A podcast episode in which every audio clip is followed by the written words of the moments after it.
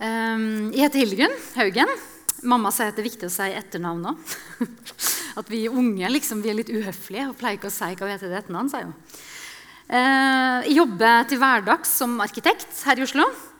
Uh, og på fritida er jeg ganske glad i å lese i Bibelen. og Derfor har jeg med den sånn pyntrekvisitta her på scenen. For alle bibeltekstene jeg skal lese, de er i manus. Så veit dere det. Uh, og da, Jeg liker veldig godt da, å snakke om det jeg har lest, så det har jeg tenkt å gjøre nå. Uh, det er november, og det betyr nytt tema, som uh, nevnt allerede. Og denne måneden her så er det Jesus sine lignelser som er tema. Og da har jeg tenkt litt grann. hvem var egentlig Jesus? For noen år siden så var jeg i Jerusalem. Og Da var vi på en omvisning langt under bakken. Og jeg tok det bildet som dere ser på skjermen her. Mine fine bein og denne steinen. Eh, her var Jerusalem sånn ca. i år null.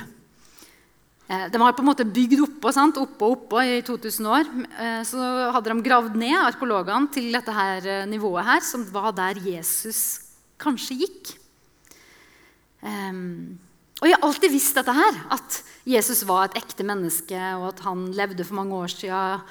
Og, og sånn. Men da jeg var i Jerus eh, Jerusalem og i Israel, så så jeg denne steinen her som Jesus kanskje hadde gått på, tråkka på.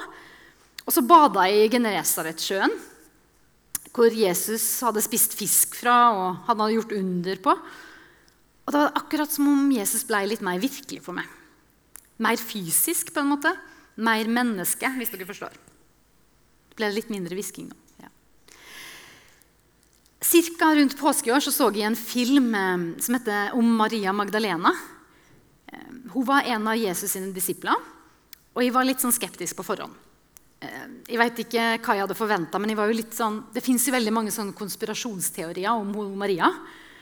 Og jeg var litt redd for at filmen skulle handle mer om henne enn om Jesus. på en måte. At han ikke skulle bli viktig. Uansett. Det, jeg syns det var en litt sånn rar og ganske fin film.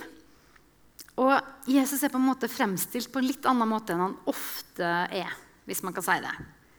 For så syns jeg han virka litt mer sånn trist, eller eh, litt sånn redd for å dø, f.eks.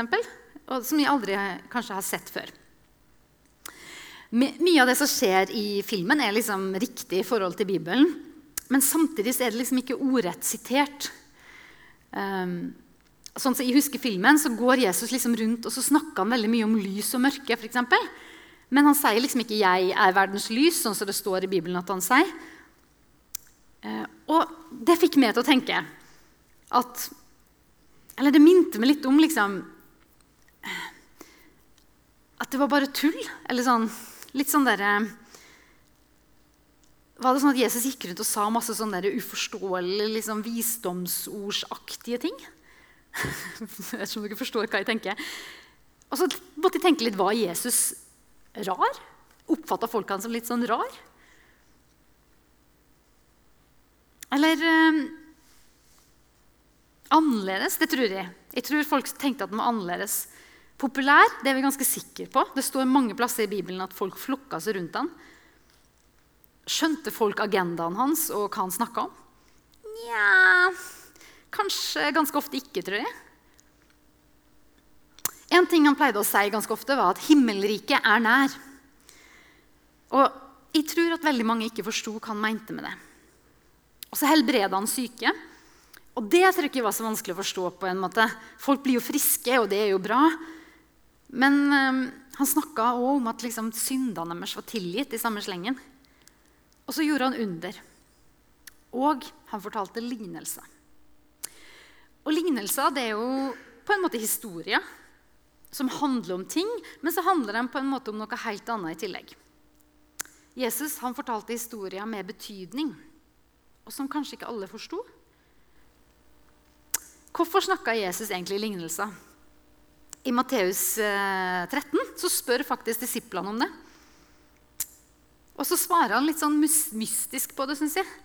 Dere er gitt å kjenne himmelrikets hemmeligheter, men dem er det ikke gitt. Det er akkurat som om De som er disipler, eller dem som tror på Jesus, de skal forstå betydningen, mens de andre ikke vil gjøre det. I kveld har jeg tenkt å fortelle dere mange forskjellige lignelser. Eller tale dere med i flere av dem. Litt forskjellige. Og så hadde jeg tenkt å begynne med en veldig kjent en. Eh, men da oppdaga jeg at dette strengt tatt ikke er en lignelse, men eh, bare et bilde som Jesus bruker. Men dere får tåle det, at de kanskje ikke har helt kontroll på hva som er en lignelse og ikke. Det er iallfall den historien, eller bildet om flisen i din brors øye, som står i Matteus 7, 3-5. Hvorfor ser du flisen i din brors øye, men bjelken i ditt eget øye legger du ikke merke til? Eller hvordan kan du si til din bror, 'La meg ta flisen ut av øyet ditt', når det er en bjelke i ditt eget øye? Din hykler, ta først bjelken ut av ditt eget øye. Da vil du se klart nok til å ta flisen ut av øyet til din bror. Som sagt, Dette er jo veldig kjente ord. Og på en måte kanskje ikke så veldig vanskelig å forstå. Kanskje betyr det 'ikke kritiser noen, du er like ille sjøl'. Eller um, Ta tak i det som burde ta tak i i ditt eget liv. Ikke bry deg så mye om noen andre. Eller Vi får litt hint om hva dette handler om med versa før. Dette er henta fra Bergpreken, som er flere kapitler med undervisning Jesus holder. Og dette avsnittet, eller det rett før, da, det handler om at vi ikke skal dømme. At vi kommer til å bli dømt med samme eh, dom på en måte da, som vi sjøl dømmer andre etter. Jeg tror at uansett hva du tror på i livet, så er vel dette her noe vi kan ta med oss. Altså, jeg ser for meg at Hvis ikke du tror på Jesus, eller syns han er så fornuftig, så syns du allikevel at dette er ganske fornuftige ord. Det er jo litt sånn der, det er jo ganske irriterende med sånne folk som smatter når de spiser. Men så, og så kritiserer de det, liksom.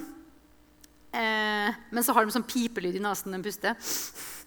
Eller, dere skjønner greia? Nei da. Jeg tror faktisk at dette handler om mer enn det. Jeg tror ikke dette her primært er liksom opplæring i høflighet. At man ikke skal påpeke en feil hos andre når du har en større feil sjøl. Jesus han vil at vi skal både fjerne våre bjelker og fliser fra øynene våre. Han vil at vi skal bli bedre mennesker.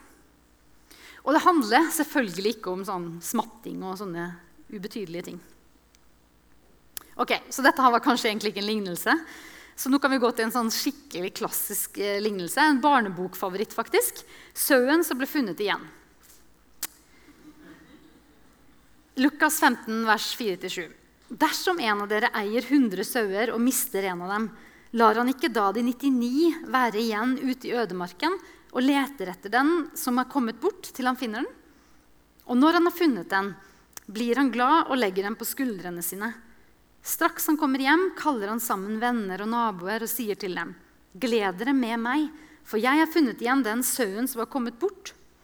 Jeg sier dere, på samme måte blir det større glede i himmelen over en synder som vender om, enn over 99 rettferdige som ikke trenger omvendelse.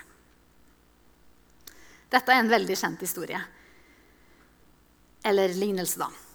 Men forstår vi den egentlig? Forstår vi hvor mye Gud elsker oss?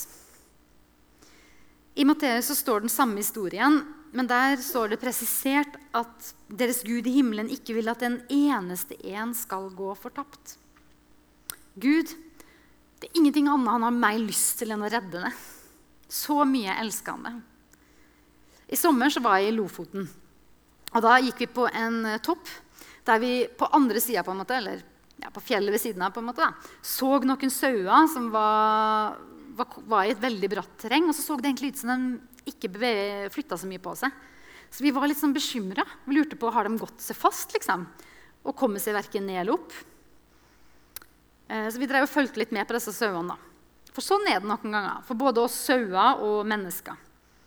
Det er ikke sikkert om vi mente å gå oss vill, på en måte. Men plutselig befinner vi oss langt ute på en vidde. Helt alene, borte fra flokken. Eller på en bratt fjell med skrenter på alle sider. Faktisk var det det som skjedde på denne turen. her, og dette her er bildet derfra. Um, for det var litt dårlig sti, så vi gikk uh, feil. Og plutselig var det så ufattelig bratt. Alle retninger. Vi gikk oss på en måte litt fast. Og da, da, er det lett å tenke at det er din skyld. At du burde ha skjønt at selv om du klarer å gå oppover her, så er det ikke sikkert om du klarer å komme deg hjem igjen. Det kan faktisk hende at du setter deg fast og ja, ikke får det til. Men selv om du tenker at du burde ha visst bedre, så kan du vite at den gode hyrden, om han kommer på sykkel eller motorsykkel eller ikke, Jesus han er ute for å hente det. Han leiter etter det. Han vil ta det opp på skuldrene sine og ta det med seg hjem. Denne lignelsen her altså fra, eh, står også i Matteus 18. Og her finner vi en annen ganske kjent lignelse. Lignelsen om den ubarmhjertige tjeneren. Denne lignelsen her, den forteller Jesus fordi Peter går til Jesus og spør om hvor mange ganger han skal tilgi. Eh, altså hvis en bror synder mot han, hvor mange ganger skal han tilgi? Så mange ganger så sju, spør han. Og det her føler jeg egentlig Peter at han tar litt i. da, For det var egentlig vanlig å si at man skulle tilgi tre ganger. Men Jesus han svarer nei, ikke sju ganger, men 70 ganger sju. Og det er 490, hvis dere lurer. Sånne bibelkommentatorer eller hva det heter, sånne som skriver sånn studiebibler, og sånn, de er veldig opptatt av å fortelle at dette er 490 er ikke et viktig tall. Det er liksom det at det er uendelig mange ganger som er poenget. Men jeg tenker litt på det er 490. da. For prøv å tilgi noen 490 ganger. Nå har ikke jeg noen mann, men se for dere at jeg var gift da, og at jeg hadde en uh, tosk av en mann som var utro med meg 490 ganger. Og jeg fikk vite om det hver gang, og han ba om tilgivelse hver gang. Og jeg tilga han hver gang. Det er jo helt urimelig. Eller sett at du har en eh, kompis da, som alltid glemmer lommeboka si. Så når dere er ute og spiser, ender du alltid opp med å betale for ham. 1, 2, 3, 4 490 ganger, liksom. Det er jo, det er jo helt urimelig. Men kanskje denne fortellingen, altså lignelsen vi skal lese nå etterpå, som Jesus forteller, hjelper oss litt å forstå dette her. Himmelriket kan sammenlignes med en konge som ville gjøre opp regnskap med tjenerne sine. Ok, Så det kom en tjener da, som skylder denne kongen 10 000 talenter. Jeg vet ikke om dere klarer å se dette her, regnestykket jeg har gjort. Det er ikke sikkert noe rett heller, men, men, det er sånn jeg tror det. da. En denar var nemlig én dagslønn for en arbeider på den tida her. Og en talent det var verdt ca. 6000 dagslønner. Ja, altså denarer. Så 10 000 talenter, dvs. Si 60 millioner dagslønner. Jeg gikk inn på SSB sine sider og fant ut at i Norge er gjennomsnittslønnen 44 310 kroner i måneden. Og det betyr, tror jeg, at denne tjeneren skyldte 88 millioner norske kroner anno 2018. Da. Det er ganske mye penger. 88 milliarder. Og så hadde han ingenting å betale med. Ja. Så herren, eller kongen, han befalte at han skulle selges med kone og barn. Og da kaster tjeneren seg ned og bønnfaller om å få mer tid. Altså, jeg tenker, Hvis du mangler 88 milliarder kroner på gjelda di, hvor mye tid trenger du for å skaffe de pengene? Jeg synes Det er egentlig litt usaklig. Men det er det han gjør. da. Han sier at han, hvis han får mer tid, så skal han betale. Og det som skjer er at denne Herren får inderlig medfølelse med denne tjeneren. Og han slipper han fri og ettergir han gjelden. Tjeneren han går faktisk rett utafor, og så møter han en annen tjener. La oss kalle han tjener nummer to. Han er sikkert liksom under han i rang. da. Og han skylder han 100 denarer.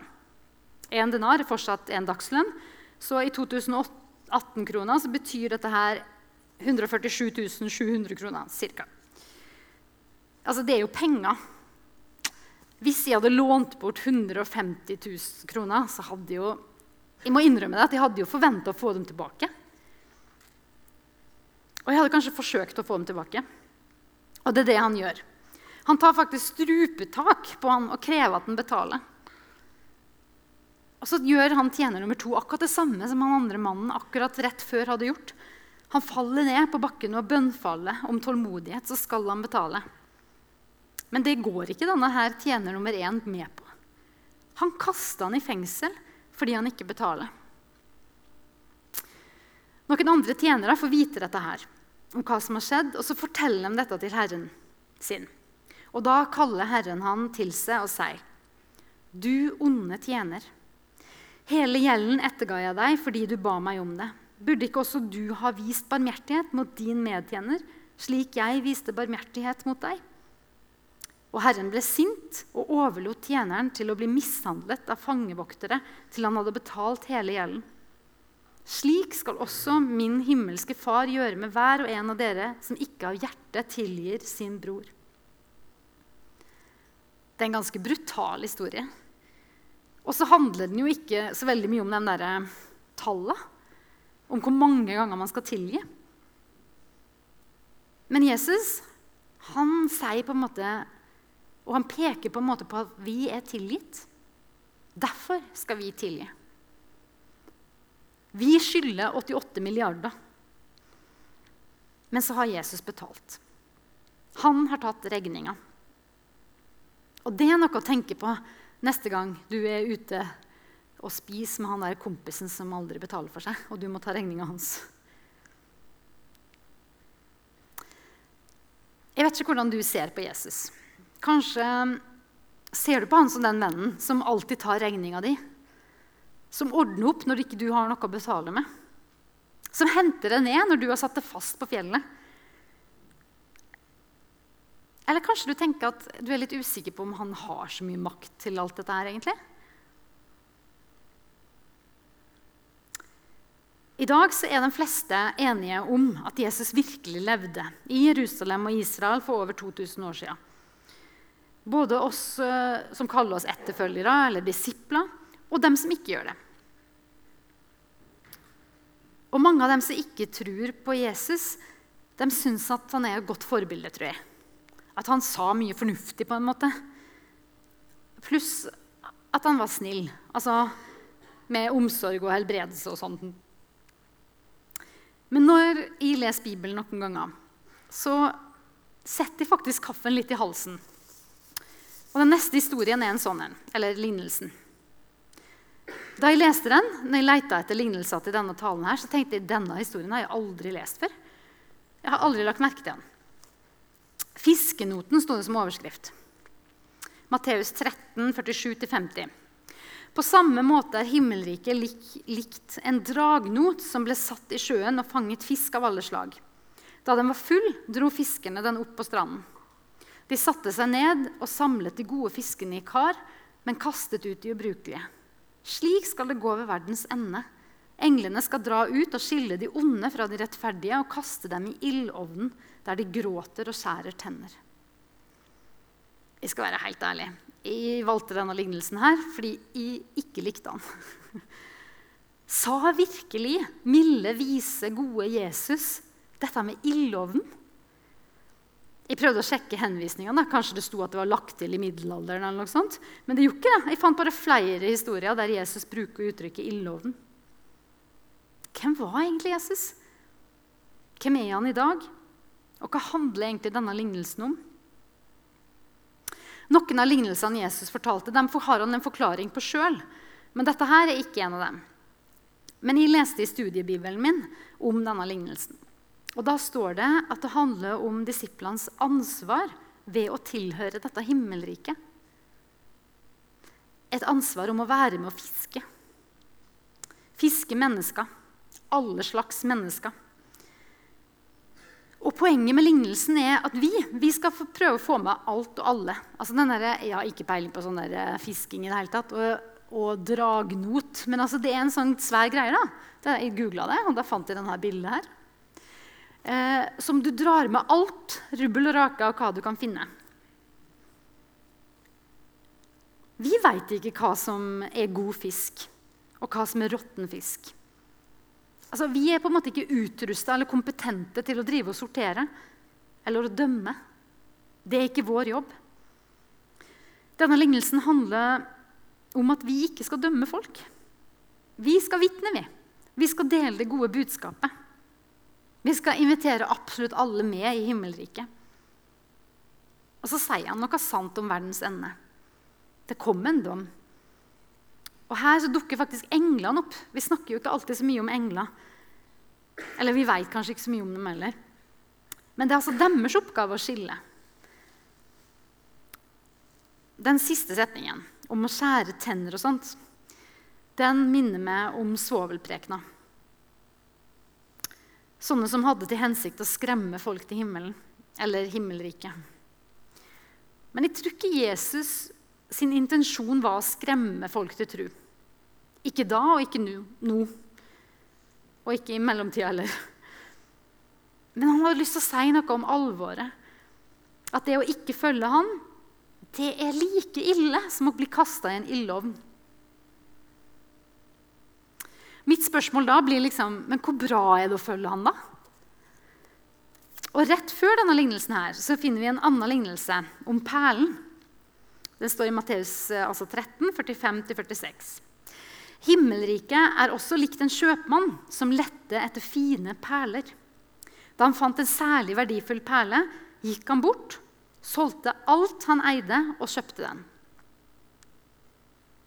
Jeg må innrømme at jeg syns dette er så ulogisk. Hva skal han med en perle.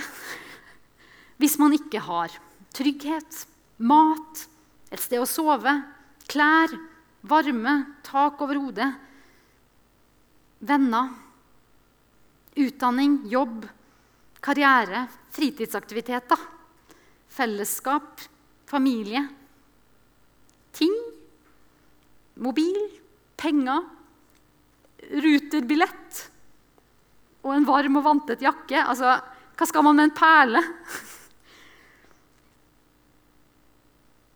Jeg tror ikke vi alltid helt forstår hva som er det viktigste i livet. Jeg blir i hvert fall veldig ofte forvirra. Det er veldig mye i livet jeg trenger, og som jeg tror at jeg trenger, og som jeg har lyst på. Så aldri i verden om jeg har lyst til å selge alt jeg eier, for en perle. tenker jeg. Hva kan den perlen være god for? I Matteus 6,33 så står det Søk først Guds rike og hans rettferdighet, så skal dere få alt det andre i tillegg. Poenget til Jesus er nemlig ikke at ikke vi skal spise og drikke eller lese bøker og gå på kino. for den saks skyld. Vi skal få lov til å gjøre alt det i tillegg. Å være en del av hans rike, himmelriket, det er allikevel det mest verdifulle vi kan eie. Det er verdt å gi avkall på alt for. Ok. Så nå har vi lest da, ganske mange historier eh, som Jesus fortalte. Lignelse. Og De neste lørdagene så kommer dere til å få høre flere som kommer til å fortelle mer om hvem Jesus er. Men hva har disse historiene sagt om Jesus? Hva forteller dem om hvem han er? Jeg tenker at de sier at Jesus har tilgitt oss. Han har kjøpt oss fri fra vår uendelige gjeld. Og da er vi fri til å ettergi alle andres gjeld mot oss. Jesus han elsker oss, og han leiter etter akkurat det. Han vil ha med akkurat det i, ditt, i sitt himmelrike. Uansett hvor langt borte du føler at du har rota det til, så er han klar for å komme og hente deg hjem. Og så ønsker han å herliggjøre oss. Han har lyst til å ta bort både flis og bjelker fra øynene våre. Han har lyst til at vi skal legge bort alt det som ikke tilhører himmelriket. Og så vil han at vi skal være med på redningsaksjonen. Og få med flere i himmelriket. Men det er ikke vår oppgave å dømme. Jesus og hans engler her kommer igjen for å dømme. Det skal vi få lov til å slippe. Og så er han verdt alt. Vi blir lett forført av andre ting vi ønsker oss i livet. Men Jesus og hans himmelrike er verdt så mye mer enn det vi kan finne på å drømme om. Det er det mest verdifulle vi kan eie. Jeg har lyst til å bare be litt til slutt. Jesus, jeg takker deg for at du er virkelig. At du levde her på jorda, at du kom til oss. Og så ser du at når vi leser Bibelen, så er det mange ting som ikke er så lett å forstå. Men jeg takker deg for alt det du er, og det du viser oss at du er gjennom Bibelen. Jeg ber om at du må gi oss visdom, av din visdom.